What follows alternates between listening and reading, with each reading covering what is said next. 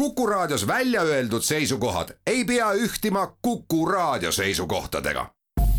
Te kuulate Kuku Raadiot.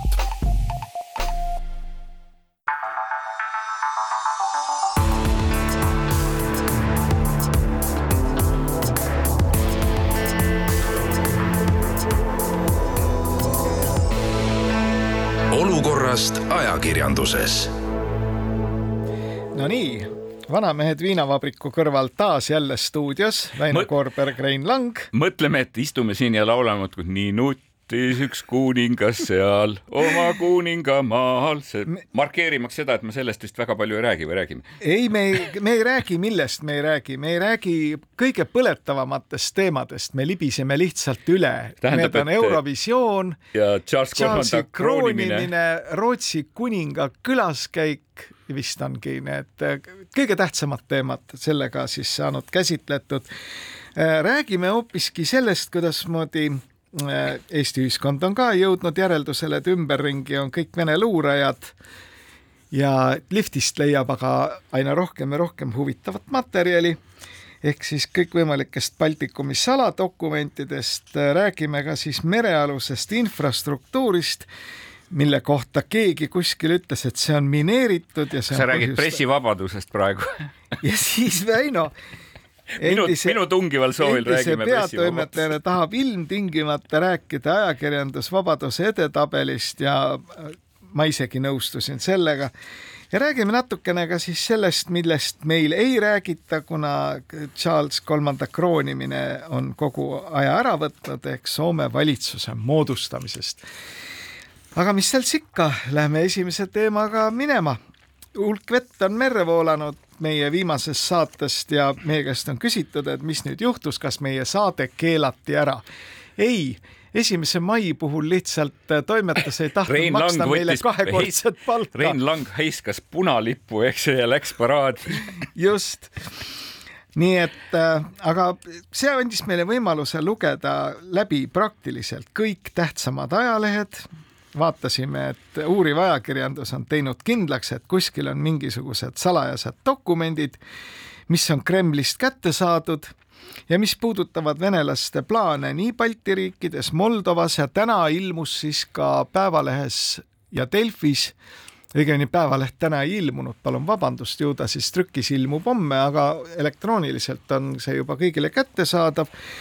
Et Kreml on plaanimas siis suuremat kampaaniat, et ajada tülli Türgi ja Euroopa Liit, et äh, sellest võiks tulla siis Kremlile endale teatavat kasu. seda, seda olen ma ammu oodanud. nüüd lugedes kõiki neid äh, nii-öelda refer-, nojah, mitte nii-öelda, vaid ikka päris refereeringuid nendest dokumentidest minul hakkavad süvenema teatud paranoilised kahtlused, nagu ikkagi liiga palju ajakirjandust tarbival inimesel. Aga mis on ka oluline, on see, et neid dokumente endid ei ole ju kuskilt avalikkusel võimalik lugeda, sest väidetavalt on siis sellele uuriva ajakirjanduse konsortsiumile, millega, mille keskmes olevat siis Põhjamaade avalik-õiguslikud ringhäälingud Nendele on väga selgelt öeldud, et dokumente endid avaldada ei tohi, aga võib siis neid kasutada ajakirjandusliku analüüsi käigus ja neid refereerida. No ma ei tea, kas see refereering mingil kujul sind oluliselt ka üllatas või et selles, mulle nagu tundus, et kõik need eesmärgid, mis olid, mis olid nendes kuulsates dokumentides, mida Venemaa presidendi administratsiooni ma tea, piiriülese koostöö valitsuses olid koostatud, et, et, et kogu see tekst ikkagi tundus nagu niisugune no klassikaline, et, et ametnik istub ja, ja mõtleb, et kuidas saaks teha asju paremaks, paneme nüüd nagu parendame, teeme, eks ju, püüame majanduslikult saada, püüame poliitiliselt saada, püüame kultuuriliselt saada asjad enda kätte, et kas selles oli, oli mingisugune punkt, mis sind väga üllatas selles, selles, selles osas no. või see oli küllaltki loogiline, sest, sest et minule nagu tundus, et, et see dokument võis tõepoolest olla kahe tuhande kahekümne esimesel aastal äh, koostatud kusagil kabinetis, kuhu ei olnud, ei jõudnud nagu informatsioon selle kohta, et Putin juba, ma ei tea, mitmed, kahe tuhande üheteistkümnendal või kahe tuhande kümnendal aastal Bill Clinton vist mingit kokkusaamist meenutas, kasutas, ikka sisuliselt plaanis seda, plaanis sõda Ukrainas ja plaanis Ukraina vallutamist, eks ju, ja ühes sellega nagu siuksed mõjuvõimu kasvu. Need dokumendid väidetavalt pärinevad isegi vist natukene varasemast perioodist, et nende koostamise aeg on kuskil seal kaks tuhat kaheksateist kuni kaks tuhat kakskümmend, aga väidetavalt siis kahekümne esimesel aastal on nad kuidagimoodi sattunud nendesse kätesse, mis omakorda peale läbilugemist nad unustanud kuskile lifti nüüd esimene küsimus on see, et kas need dokumendid reaalselt on eksisteerinud või on nad siis produtseeritud kellegi poolt täna, et tekitada mingit segadust. nüüd, kui vaadata jah, neid refereeringuid, omamata siis ligipääsu nendele originaalidele, siis ma arvan, et need sellised dokumendid võiksid olla eksisteerinud küll. niisugust kantseliit on kirjutatud küll ja küll. mida meil oleks vaja teha, et, et võita? ja miks tuleks, mitte, loomulikult. tuleks tugevdada majanduskoostööd, eks ju, tähendab, tuleks püüda oma, oma kultuurilist sellist nagu mõjuvõimu saavutada, tuleks leida mõjuisikuid, kelle, kelle nagu ärisid edendada ja nii edasi ja nii edasi, eks ju, tähendab niimoodi leida mingisugune meile sobiv mõjurühm, eks ju, leida üles probleemid, eks ju, mis inimesi ärritavad, eks ju, neid võimendada, eks ju, tähendab selle kaudu, selle kaudu nagu saada südameid ja mõistusi enda poole ja nii edasi ja nii edasi, niimoodi tegelikult toimib nii diplomaatia kui saladiplomaatia kui ka nagu mis tahes propaganda. no ega diplomaatilised dokumendid dokumendid ka ei muudeta, neid ka ei muuda keegi kättesaadavaks nii lühikese etteteatamise ajaga ja nii lühikese perioodi järel. aga mis on nüüd nagu tähtis minu meelest, on see, et isegi kui need on olemas, need dokumendid sellises vormis, siis kas nad omavad mingisugust tähendust täna? ajaloo seisukohast kindlasti omavad, et nüüd ütleme, ajaloolased saamaks kätte seda üldpilti ühes riigis valitsevast sellisest bürokraatlikust mentaliteedist, no nende jaoks on need dokumendid väga tänuväärne materjal. kas nad eh, omavad tähendust ka otseselt tänapäeval poliitiliste otsuste langetamisel? no selles nüüd, eh, sellele võib vastata nii ja naa. et nüüd teatud asjad kindlasti ei oma, noh, jutud mingisugustest äh, majandussidemetest ja piiriülesest koostööst, mida ju Eestis aeti ka seitseteist, kaheksateist veel, isegi peale Krimmi annekteerimist. ju käisid jutud, et noh, siin Setumaa ja lähivallad võiksid arendada mingit sellist koostööd seal Pihkva oblastiga ja Petserimaaga see ilmselt tänasel päeval on täiesti küsimuse alt väljas no,. mis on kõige olulisem selles, on ikkagi need julgeolekupoliitilised äh, seisukohad, mis neis dokumentides on ka kirjeldatud, minu meelest Vene seisukohast väga loogilised loomulikult ei taha venelased näha NATO liikmesriikide vägesid oma piiride juures. kuidas seda saavutada, ühe käega siis äh, noh, värbad poliitikuid, kes kuulutavad Eesti baaside vabaks, aga teise käega sa tekitad lihtsalt olukorra, et need väed ei tule siia sellepärast, et neil ei ole siin midagi teha. ükski kaasaegne sõjavägi ei istu kasarmus ja ei õlita ainult püssi, oodates siis seda momenti, nii nagu kuulsas Sefirelli filmis Tatarlaste kõrb mehed joovad veini ja ootavad, millal tatarlased tulevad, eks ole. seda ei ole, kõik tahaksid harjutada. Kui harjutusvõimalusi ei ole, siis järelikult neid vägesid siia ka ei tule. no selles mõttes oli huvitav see punkt poliitilise sõjalise valdkonna osas, et, et ja, ja ma, ma mõtlesin alati, et lugedes seda Eesti Päevalehe käsitlust tollel hetkel, et kui räägiti vastudest Eesti püüdlustele arendada separatismi Venemaa piirkonna soome-ugri rahvaste seas, venemeelsete meeleolude kujundamine Eesti Vabariigi poliitilise sõjalise eliidi elanikkonna hulgas ja vastuseis NATO katsetele Eestit militariseerida, et ka ma kohe nagu mõtlesin, et mis on põhjus, mis on tagajärg, et noh, tuues paralleeli Nursipalu peale, Nursipalu teema juurde, kus tegelikult äh, noh, kiputakse ka näidata seda, et, et inimesed, kes tegelikult selle Nursipalu vastu protestivad, et nüüd on nagu Venemaa on oma eesmärgi saavutanud, mõjuisikud värvanud ja nii edasi ja nii edasi. programm läheb, eks ju. Rein Lang mingil hetkel saates ütleb, et Kremlisse puhastatakse need medalid ära ja pannakse karpidesse ja saadetakse teele. et tegelikult, et kus on põhjus, kus on tagajärg? no vaata võtame nüüd mitmekihilise variandi, eks ole, et kui Eestis mitte keegi poleks pööranud erilist tähelepanu sellele nii-öelda saladokumendile, mis liftist leiti, siis eh, võiks oletada, et äh, tegemist on täiesti autentse materjaliga, võtsime teadmiseks, läheme edasi. see, et keegi on kangesti närviliseks muutunud ja üritab nüüd sellist narratiivi edendada, et noh, see kõik siin, see jutt on muidugi, viitab täielikule kapo võltsingule, eks ole. et siin venelased nagu tahavad Eestis teha Nursipalu vastast äh, aktsiooni. et see kõik on jama, et see kõik on tegelikult tekkinud seal kohapeal inimeste sellisest siirast soovist äh, edendada põllumajanduslikku mahetootmist ja seoses sellega on nad Eesti äh, valitsuse vastu, et selles ei ole mingit Vene jalajälge see, et niisugune närviline seisukohavõtt, eriti just nädalavahetusel, hakkas muutuma domineerivaks, see millegipärast kallutab minu arvamuse sinnapoole, et need dokumendid on täiesti autentsed, aga teeme siinkohal väikese pausi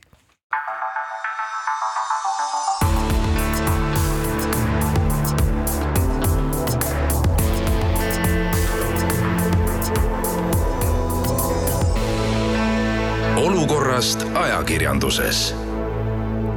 vanamehed viinavabriku kõrvalt mõtisklevad selle üle, kas äh, hulgaliselt äh, refereeringut leidnud äh, Kremli saladokumendid on autentsed, on nad kaitsepolitsei järjekordne operatsioon või on tegemist mingisuguse muu nähtusega ja kratsime siin kukalt ega ei ole kuskile välja jõudnud. ega ei ole kuskile välja jõudnud, aga noh, ma ütlen, et ükskõik millisena see ka nagu ei töötaks, eks ju, see minu meelest on väga hea niisugune spikker eh,, kinnitamaks ühele keskmisele valitsejale, et et ei ole sellist olukorda, et et ma lasen kriisidel süveneda või ma ei pööra kriisidele tähelepanu või et ma ei pööra tähelepanu rahulolematutele, sest see paber ütleb täiesti otsesõnu, et meie kavatseme nagu oma naaberriikides mõju suurendamiseks üles leida iga rahulolematu ja pöörata teda meie usku, eks ju, ja teie vastu, eks ju, mis siis nagu, mis ja, ja see on nagu mis tahes valdkonnas. Ja ma arvan, et niimoodi, niimoodi on tegelikult see Vene poliitika kogu aeg ka töötanud tegelikult. ja see on muide üks põhjus, miks et ma arvan, et need dokumendid tegelikult on, on autentsed. et kas nad on autentsed või nad on tegelikult koostatud ikka inimese, inimese poolt, inimeste poolt, eks ju, kes sellise asjaga ka tegelevad, eks ju. et see nagu iseloomustab väga selgelt seda, et, et, et, et otsime kriisi et me otsime üles kriisi, me otsime üles alandatud ja solvalt, solvatud ja tõepoolest ütleme neile, et tulge meie juurde, kes te alandatud ja solvatud olete ja ei, selles on kindlasti oma loogika, et äh, me oleme siin oma saates ka mitu korda imestanud selle üle, et äh, näiteks Narva linna administratiivpiirides ei ole alates tuhande üheksasaja üheksakümne teisest aastast ehitatud mitte ühtegi kaasaegset korterelamut mis on viinud täna sellisesse olukorda, et ehkki seal inseneridele pakutakse kuni nelja tuhande viiesajast kuupalka, eks ole, eurodes muide siis ei ole inimesi, kes tahaksid sinna tööle minna, sest et ei ole kuskilt võtta korterit. Ja elada, ütleme Narva-Jõesuus või veel kaugemal Toilas ei ole paljude inimeste arvates lihtsalt nagu mõistlik et kuidas selline olukord on osatud saavutada, et ühtegi kaasaegset no, maja sel, ei ole? see on ikka sel-,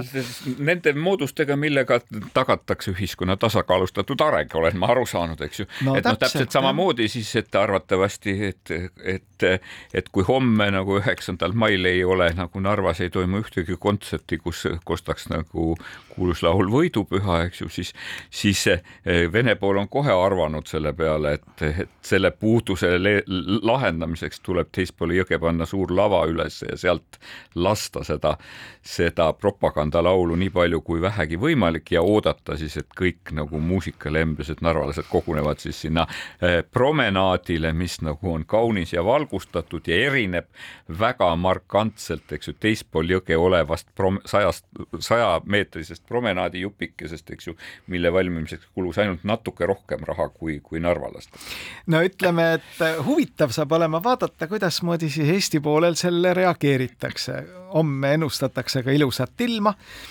et kas siis tehakse mingisuguseid piiranguid sinna promenaadile vaatamiseks, kas valmistutakse sellist, selliseks jõudemonstratsiooniks, et inimesed küll lubatakse promenaadile, aga iga kolme meetri tagant on mingi niisugune tugevam mees kumminui käes no,. või no. on ka üks võimalus müüa seal rahulikult õlut no ma ei tea, ma tean, alati on see, et, et, et kui ma vaatan seda kuulsat urbanisti Varlamovit, kes tegelikult vaatab, kuidas linnad on ehitatud ja ta suurt huvi pöörab just nendele paralleellinnadele, kaksiklinnadele, teine teiselt poolt piiri, eks ju, siis, siis kui ta käis Narvat ja Jaanilinna vaatamas ja vaatas just selle promenaadi võtmes, eks ju, siis ta kirjeldas ikkagi seda, kuidas Jaanilinna memmed, eks ju, vaatavad üle jõe valguskuma, eks ju, ütleb, ilus on ja tõesti ilus on. ma ei usu, et nagu, et ühe nagu mingisuguse eh, Jaanilinna kindluse najale püsti aetud, eks ju, konstruktsiooniga, eks ju, on võimalik seda tunnet kuidagi nagu ära muuta, et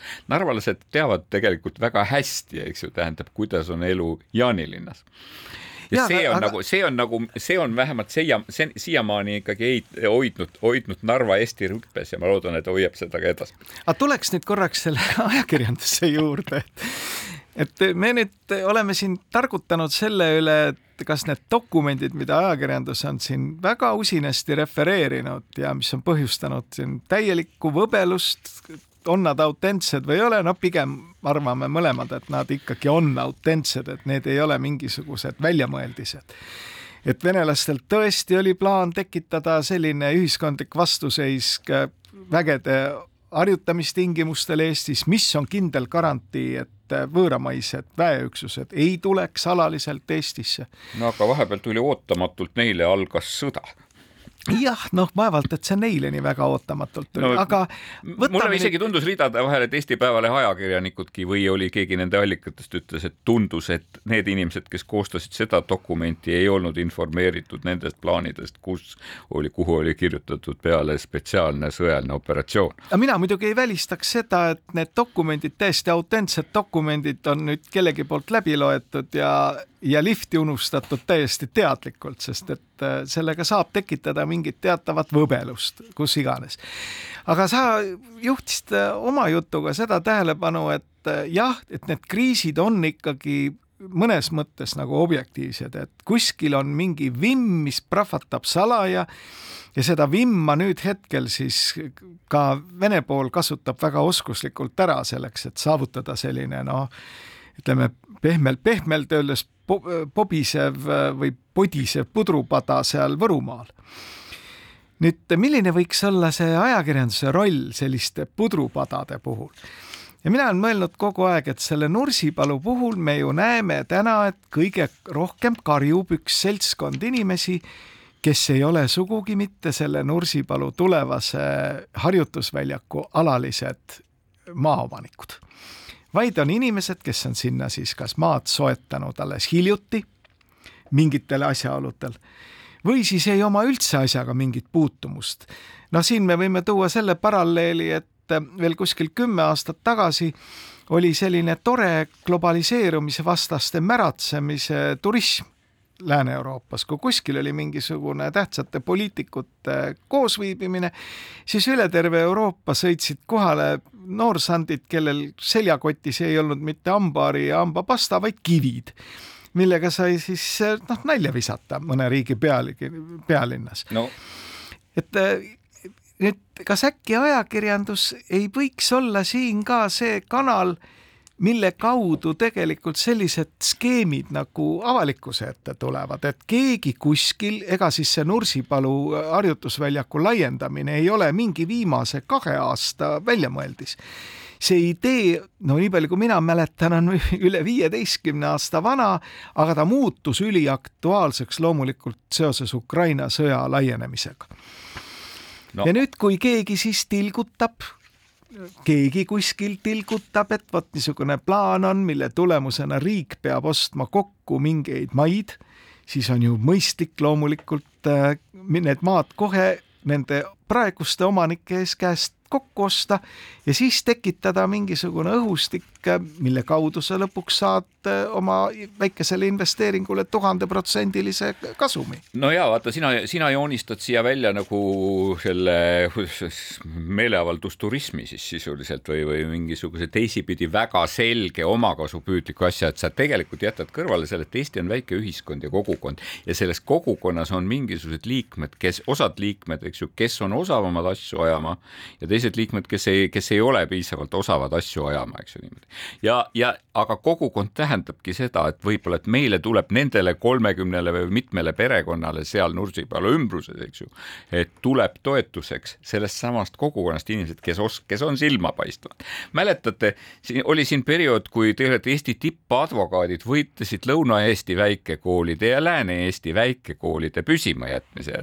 et, et, et ma, ma ei tea, kas seda võib ka nagu niisuguseks demonstratsioon, demonstratsioon turismiks nimetada. aga võitlevad ju tänaseni. Tänaseni võitlevad. ütleme, et ja kohtud on ju pannud seisma nende väikekoolide likvideerimise minul on alati see küsimus, et kui kohtunik langetab otsuse, et vot mingisuguse kooli kinnipanemine ei ole toimunud vastavalt kõigile reeglitele, kas ta siis peaks ka oma otsuse kirjutamises vastama sellele küsimusele, et aga mis raha eest seda üleval peetakse? ma arvan, et kohtunik saab esitada küsimuse Eesti seadusandjale ja saab esitada küsimuse Eesti põhiseadusele, et on olemas teatavad kohustused, on ikkagi olemas nii, nii kohalikul omavalitsusel kui ka nagu üldisel omavalitsusel, võiks öelda, et, et selle koha peal võib-olla on pisut demagoogiline, et näita meile, kust me siis selle kooli jaoks, kust me selle õpetaja õpetaja palga jaoks selle raha võtame, eks ju. kui seadus ole, ütleb, et te peate tagama hariduse, eks ju, niimoodi kodu lähedal, siis te, siis te seda tagama peaksite ja see on siis nüüd omavalitsuse küsimus leida see raha, eks ju.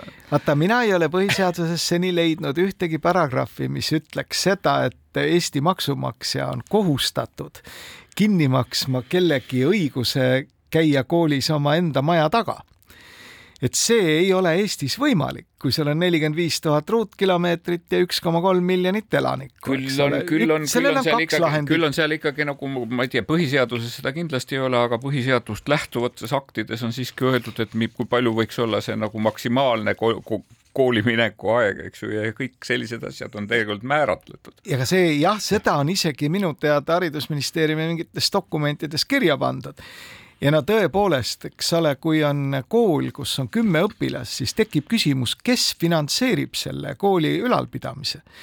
Ja nüüd arvata, et ka kohaliku omavalitsuse tasandil on inimesi, kes oleksid väga alt ametid ütlema, et jah, me maksame täiendavalt makse selleks, et see kool saaks püsti jääda, siis noh, kui kohalikus volikogus selline otsus langetatakse, miks ka mitte no. aga, aga ma ei kujuta hästi ette, et Lääneranna kooli. millegipärast me tõepoolest nagu küsime seda, et, et kohalikus omavalitsuses Eesti maksumaksja peaks küsima alati ainult neid küsimusi, et kas me jätame püsti kohaliku raamatukogu ja kas meil ikka on vaja seda kooli, me kunagi ei küsi seda, et kas meil on vaja teha niisugust tohutut suurt investeeringut investeeringud. kas meil on riigiettevõttes maksta vaja nii suurt preemiat ja nii edasi ja nii edasi. selle koha peal maksumaksja käest midagi ei küsita, aga see on populism. aga me rääkisime natuke ajakirjanduse rollist, et ajakirjanduse roll on loomulikult vaadata kargelt ja kainelt seda Nursipalu juhtumit ja, ja tegelikult vaadata ka see, kui sa ütled, see ei ole nagu eile tekkinud probleem, vaid see on viisteist aastat, eks üleval olnud probleem, siis Eesti Vabariigi valitsus, neid on olnud siin mitu,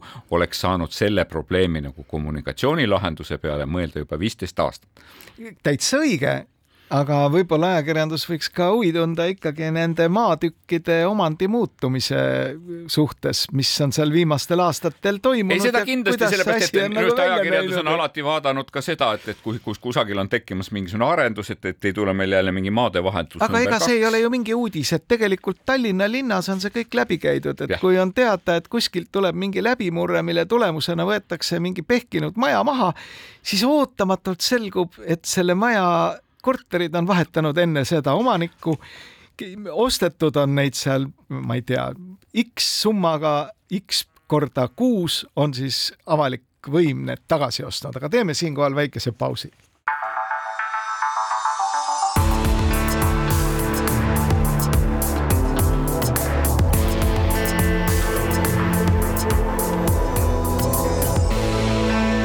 Olukorrast ajakirjanduses vanamehed viinavabriku kõrvalt hakkavad nüüd rääkima ajakirjandusvabaduse edetabelist ja kohe hakkame ilmselt ka tülli minema selle peale. Läinud nädalal tulid siis uudised, et eh, Postimehest lugesin juhtkirja, et ajakirjandusvabadus Eestis on kukkunud kolinal. no eks ta kolinal no, päris... kukkus küll, neljandalt kohalt kukkusime kaheksandale. no ikka hirmus kolin kostis, kohutav kolin. vot ja, ja siis ma hakkasin ka nagu uurima tegelikult, et mis kus siis koliseb. selgub, et äh, Eesti on endiselt täiesti vaba ajakirjandusmaa. tõsi küll, loetakse täiesti vabaks ajakirjandusmaaks esimesed kaheksa edetabeli riiki. ei no mitte, et oleme mitte, kaheksandad. mitte, et loetakse, lihtsalt ei, märksõna on, et, et loetakse need riigid, kes saavutavad sajast pallist vähemalt kaheksakümmend viis palli. see piir läheb kaheksakümne viie peal. ja, ja sinna, sinna hulka kuulub kaheksa aastat, riiki kui kümme aastat tagasi oli neid riike kakskümmend kuus, siis nüüd on neid olnud ainult kaheksa.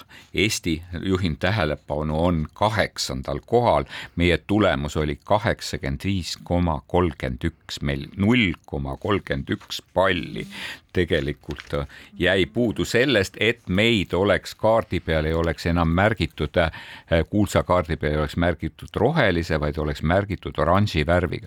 ja see kaheksa no, on ikka kolin küll ei, selles mõttes on see täiesti kolin, ma Reinuga enne saadet rääkisin, sest et kui oleks olnud ülemaailmse riikide demokraatia indeks, eks ju, kus on riigid täiesti demokraatlikult ja peaaegu demokraatlikud ja kujutage ette, kui Eesti Vabariik, eks ju, ühel hetkel täiesti demokraatlike riikide seast, eks ju, niimoodi peaaegu demokraatlike riikide hulka nagu kukub, eks ju, ma kujutan ette neid parlamendivaidlusi, ma kujutan ette peaministri silmi häbi täis ja nii edasi ja nii edasi selle koha peal, et, et tegelikult me näeme, noh, kui, kui keegi läheb sinnasama Piirideta Reporteri koduleheküljele, siis seal on võimalik läbi aastate näha seda kulgemist tõepoolest, et kuidas me saavutasime selle, et kahekümne kuuest täiesti vaba või hea aja, ajakirjandusvabaduse olukorra riigist on kaheksa järgi jäänud ja samas, eks ju, samas tegelikult väga tõsine, mis on nagu see viimane nagu niisugune asi, et kümme aastat tagasi oli olukord väga tõsine kahekümnes riigis ja praegu juba kolmekümne ühes riigis, aga, aga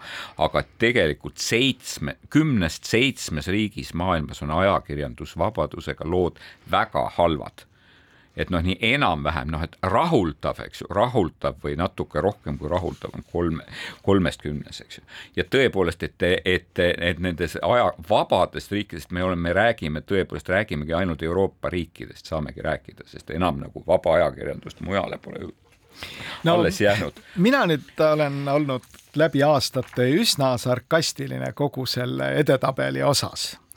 ja ma kohe põhjendan, miks, et tõepoolest me leiame selles edetabelis Ameerika Ühendriigid kohalt number nelikümmend kuus ja nüüd me võiksime siis esitada endale küsimuse, et kas Ameerika ei ole demokraatlik maa, kus ei austata ajakirjandusvabadust.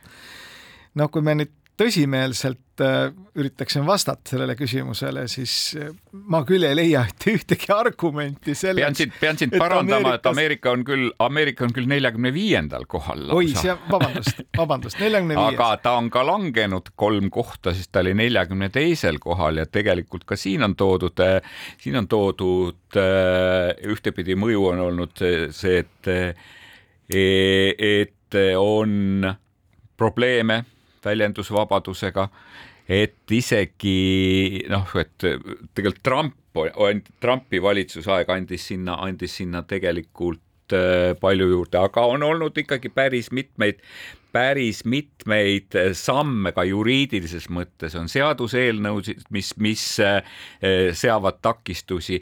tegelikult võetakse seesama Assange'i väljaandmise nõudmine, mida Ameerika valitsus, eks ju, teeb, et, et on andnud sinna oma, oma märgi selle asja juurde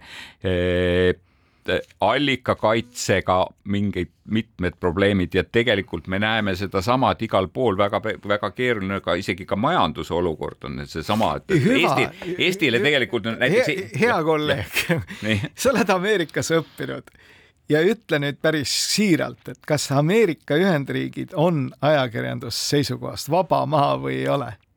Vaba, peaaegu vabad, saan ma öelda, neljakümne, nende tulemus on seitsekümmend üks koma kakskümmend kaks, seitsekümmend üks koma kakskümmend kaks. ütle lihtsalt omaenda selline no, mulje me, me tegelikult, me vist meie viimases saates rääkisime me Fox Newsist ja tema kaheksasaja miljonilisest kahjutasust valeinfo levitamise. Kas, ja ma olen üpris kindel, et see protsess hakkab mõjutama sedasama edetabelit järgmisel aastal sest kindlasti on neid inimesi, kes teevad aktiivset lobitööd, öeldes, et vot niisugune asi on ebaõiglane, et Fox oma valeuudiste levitamisega ei oleks tohtinud langeda nii suure kahjutasu alla, mida kohus mõistis. teisipidi seesama piirideta reporterid, sellesama valeinfo leviku, propaganda leviku tegelikult kvaasiajakirjandus ehk nagu, nagu noh, tegelikult valitsuse kontrolli all oleva propagandamasina, kuid ajakirjandusena esineva ajakirjanduse, ajakirjanduse esineva nagu meedia, meedia leviku poolest ütleb, et noh, et see on, see on, meil on olnud see aasta ja me nüüd alles ootame, need on õied, me ootame vilju, me ootame vilju seoses tehisintellekti tulekuga kus on tegelikkust, eks ju, väljamõeldisest üha keerulisem e-, eristada. me näeme seda, et, et tehisintellekt on suuteline looma teksti ja seda levitama mis tahes meedias ja sotsiaalmeedias, looma usutavat teksti, et Nigeeria kirjad pole kunagi olnud nii eestikeelsed. varsti nad hakkavad olema ka setu- ja võrukeelsed, eks ju veel, et, et, et sellesama tõe, noh, tõesuse tõesuse eristamine muutub üha keeruliseks. et selles mõttes ainukene, ma ütlen, et kui me rääkisime Eestist selle koha peal, et, et Eesti tegelikult seal, seal mõõdetakse nagu viies erinevas kategoorias mõõdetakse neid, neid asju ja Eesti parandas oma tulemust siis selles vallas, kuidas kuidas avalikkus tajub ajakirjandust, kas ajakirjandus on vaba, sõltumatu, kas ajakirjandus väljendab erinevaid vaateid, et seal, seal meie positsioon on kolmeteistkümnendast kohast üheksandale eh, läinud, kuigi see number iseenesest väga palju paranenud ei ole, aga, aga meile on tõepoolest ette heidetud nii seda nii seda ajakirjanduse koondumist üksikute ajakirjanduse omandus, omand, omanike kätte, veel rohkem on tegelikult äh, ette heidetud seda juriidilist keskkonda ja, ja mitte selles mõttes, et üksnes, et seadused piiravad ajakirjandust, vaid tegelikult ka kohtu tegevus piirab ajakirjanike, ajakirjanike trahvimisi, on ette tulnud tõepoolest Ekspress Grupi ajakirjanike, ajakirjanike trahvimisjuhtum on siin näides. Ja, ja, ja oluliselt on muutunud ajakirjanike ajakirjanike üldise turvalisuse olukord, et tegelikult üha rohkem leidub neid inimesi, kes ütleb, et nad tahaksid ajakirjaniku väikese terava kirvega ümber programmeerida. no lähme nüüd selles osas natuke konkreetsemaks, et jah, ma arvan, et Eesti positsiooni neljandalt kohalt kaheksandaks ehk äh, ikkagi säilitades oma positsiooni täiesti vaba ajakirjandusmaana, ei väsi ma kordamast. seda positsiooni on mõjutanud äh, oluliselt üks asi ja see on siis meie vapra prokuratuuri initsiatiiv kahe Ekspressi ajakirjaniku trahvimiseks mis põhjustas Eestis väga laialdase ühiskondliku diskussiooni praktiliselt iga intelligentne inimene sai mingisugusest väljaandest mingi ülevaate selle asja sisust. õnnetuseks prokuratuur avaldas ka oma positsiooni tagamaid ehk rääkides, rääkides ja rääkides, vabandust, lollusi. ja see kindlasti oli asi, mida pandi tähele. nii et ma ei kahtle hetkegi, et see on mõjutanud ka meie seda positsiooni teine asi, millega on esinetud nüüd avalikkuse ees, on siis ajakirjanike julgeoleku olukord, et kas nad ikka võivad ennast tunda sada protsenti kaitstuna.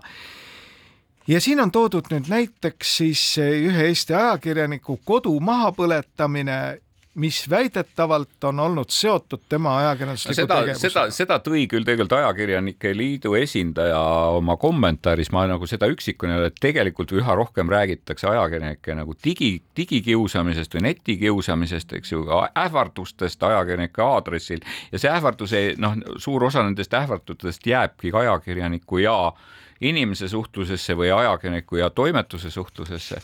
teeme siinkohal ühe väikese pausi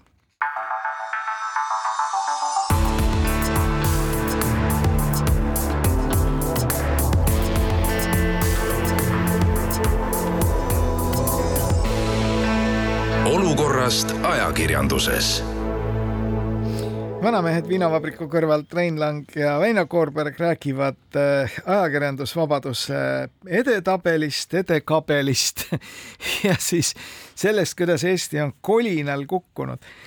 aga Jüva, me oleme et, et öelnud, et kindlasti seda Eesti minimaalset kukkumist selles edetabelis on mõjutanud siis meie prokuratuuri vapper initsiatiiv trahvida Eesti Ekspressi ajakirjanikke, see on oma õigusliku lahenduse leidnud. Mina olen selle õigusliku lahendusega peaaegu et rahul hüva, võtame selle päevakorrast maha. teine teema on, mis on olnud üleval ja mida on ka siis Eesti ajakirjandusorganisatsioonid ja Meedialiit markeerinud, et ajakirjanikud on langenud mingisuguse sellise ahistamise ohvriks.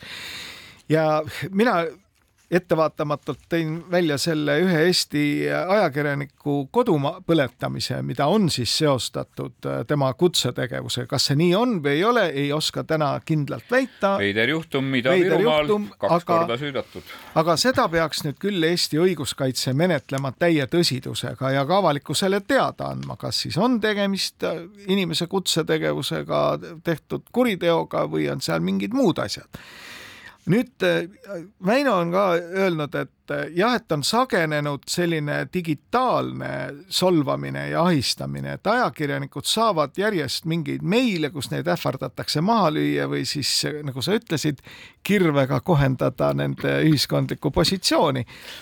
Ja mina olen selle peale alati nagu vana, vananud muige näole ja öelnud, et kui sa oled ajakirjanik ja lähed verest välja selle peale, et keegi sind sõimab siis ära mine ajakirjanikuks no, me nii. ei saa ju ütelda ka, et politseinik peaks, eks ole, sattuma ja nutma hakkama, minema nurga taha ja, ja tihkuma nutta peale seda, kui joodik teda sõimama on hakanud. no ja Rein, aga me ei saa tegelikult lähtuda sellest, et, et kogu ühiskonna mure peaks enda kaela võtma inimesed, kes on erakordselt julged, eks ju, kes on erakordselt loovad, eks ju, niimoodi, kes on erakordselt eh, missioonitundelised ja üleüldse ja nad peaksid külma kõhuga kõike seda pealt vaatama. Nad peaksid külma kõhuga ka pealt vaatama seda, kui kuidas nagu õigussüsteem neid kohtleb.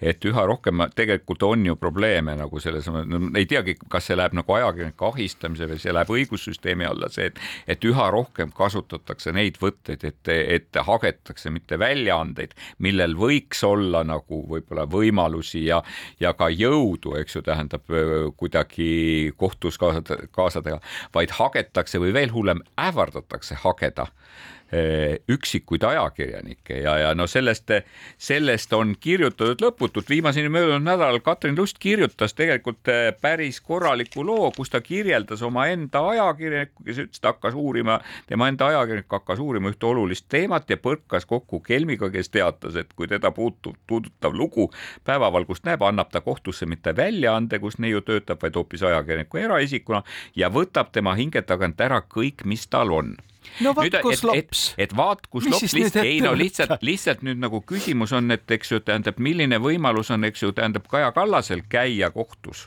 eks ju, ta ei pea ise kunagi kohtus käima ja sellepärast muret tundma tüüpi niimoodi. ja milline võimalus on käia sellel sanal ajakirjanikul ja kas ajakirjanik selle ähvarduse peale, selle väljavaate peale ei mõtle, et tegelikult väga tore on hakata moeblogijaks selle asemel, et minna uurima seal Nursipalu neid äh, Nursipalu kinnisvaratehinguid, eks ju, tõmmata endale pea kohale kohutavalt palju siis. tegu ongi tegelikult ajakirjanike vaigistamise võttega, ajakirjanike tahte allasurumisega ja see on ka see, millega tegelikult seesama Piirita reporter teeb, et ühiskonnas oleks võimalikult vähe selliseid asju, mis võtaksid ära ajakirjanikult tema motivatsiooni ei saa ikkagi nagu parima tahtmise juures aru sellest eh, lillelapse loogikast, et vot teen oma kutsetööd, üritan seda teha hästi ja kui sellega seondub mingi konflikt ja keegi saab minu peale pahaseks, et siis ma lähen nurga taha, hakkan nutma, lähen töölt ära, hagen, eks ole, ma ei tea, mida ma veel pean tegema ja kes peab siis olema see, kes mind kaitseb, eks ole. mina väidan seda, et Eesti õigussüsteem on täiesti valmis selliste rünnakute eest ajakirjanikke kaitsma. no Eesti õigussüsteemi peakski varsti nagu Euroopa Liidu üldised direktiivid äh, sundima ka tegelikult sellist positsiooni võtta, sest tegelikult seesama strateegia, ajakirjanike ja, ja ka tegelikult muidu ühiskonna nagu aktiivsete isikute strateegilise vaigistamise probleem on terves Euroopas, tegelikult ka terves maailmas olemas, et, et, et meil üritatakse hagi, hagidega ajakirjanikke vaigistada. teine asi, tõepoolest minu meelest see trend, et, et hagisid esitatakse konkreetselt ajakirjaniku, mitte väljaande suhtes, on väga selgelt ajakirjanikke vaigistav no sellega ma ei ole ka nagu sada protsenti nõus, et ma ikkagi julgen väita seda, et ega siis see ei saa olla niimoodi, et igasugune valeinformatsiooni levitamine on üksnes ainult tööandja vastutus. et kujutame nüüd ette seda olukorda, kus me a priori ütleme, et ajakirjanik, kes töötab kas ajalehes või raadios või televisioonis, ei vastuta oma töö tulemuste eest üldse ja see vastutus läheb a priori tööandjale üle, noh siis me leiame varsti ennast samasugust olukorrast nagu Nõukogude Liit, kus töökoodeks nägi ette vastutuse praagi tootmise eest kuni ühe kolmandiku kuupalga ulatuses. Rein, paratamatult sa tõmbad liiga lihtsustatud paralleeli praegu ajakirjaniku ja Treial Vasja vahel, eks ju, kes toodab praaki, et täpselt samamoodi mina tõmban sulle ka sellise samasuguse paralleeli, millegipärast meile arvatakse, et näiteks poliitilist debatti Riigikogus nagu, et seal nagu ei peaks, see peaks olema eriliselt kaitstud mina peaks ikkagi ütlema, et konkreetne vastutus kehva seaduse eest, et tuleks ära jagada saja ühe Riigikogu liikme suhtes, eks ju, minister, kes lasi, eks ju, selle Ravimiameti kui pagana külmhoones terve hunniku äh, ravumeid, vaktsiine nässu minna, väga konkreetselt peaks äh, kinni maksma selle, kui ta ei suuda tuvastada seda konkreetset inimest, kes, kes programmeeris ümber ka kaardi ja kella selles süsteemis. väga selle... konkreetselt, millegipärast seal vastutus hajus väga selgelt selle loogika järgi, mis sa peaks, ütled, keegi et peaks vastutama näiteks sellest, mäletad, palju jäi Eestil alkoholiaktsiisi saamata seoses sellega, kui maksud kolisid Lätti. oot, oota nüüd selle loogika selle järgi, mis sina edendad, et tööandja ainult vastutab ja ajakirjanik ei vastuta millegi eest, sama hästi võiks öelda, et kui mõni poliitik läheb, ajab lolli juttu, eks ole, Aktuaalses Kaameras või Esimeses stuudios, siis temal ei ole selle eest mingit vastutust, las partei vastutab. ei, aga me ei räägi praegu olukorrast, kus ajakirjanike vast-, ajakirjanik vastutab tööandja eest. tööandja saab ajakirjaniku käest paljud asjad kätte, aga lihtsalt probleem on selles, et, et, et see, mida ajakirjanik ütleb väljaandes, ei ole ajakirjanduse enda või ajakirjaniku enda asi, see on ka ajakirjandusväljaande asi. viisakalt öeldes jäid vanamehed viinavabriku kõrval eriarvamusele. ja jätkame seda kaklust pärast seda, kui oleme lõpulaulu ära kuulanud. me tahtsime rääkida ka Soome valitsuse moodustamisest ja loomulikult me sinna ei jõudnud. me ei jõudnud rääkida ka sellest, et Ajakirjanike Liidu aastamaks on koledasti tõusnud ja me ei jõudnud rääkida sellest, et me kutsuks kõiki vaatama esikaane, esikaane näitust siinsamas Postimehe majas jah, seda me võime seda küll soovitada. kes vähegi võimalik. tahab, see on jõudnud otsaga Postimehe majja näitusesaali, et seda võiks tulla vaatama es, elu esikülgedel läbi, ma ei tea, poolteise sajandi. nii, aga nüüd sai meie saade kolinal läbi ja saadet jääb lõpetama lugu. kuna me saame, ajakirjanikud eriti saavad käsitleda põhjalikult äh, seda, mis oli rahvasaadikutel seljas, kui nad kolmandat ööd järjest Toompea lossis ööbisid, siis me tervitame kõiki neid, ettenägelikult, ettenägelikult, kes ööistungitel äh, nüüd raiskavad oma aega ja närve olles lihtsalt kohal ja vajutades iga kümne minuti tagant nuppu. elagu esindusdemokraatia. Ühe muusikapalaga meie, meie mõlema suur lemmik Oleg Sõlg ja ansambel Polüfoon. ja Consiilium. ja taevas lendas kurgi, lendas ümberringi, kuid ükski neist ei seganud meid oh,. jaa, oli tore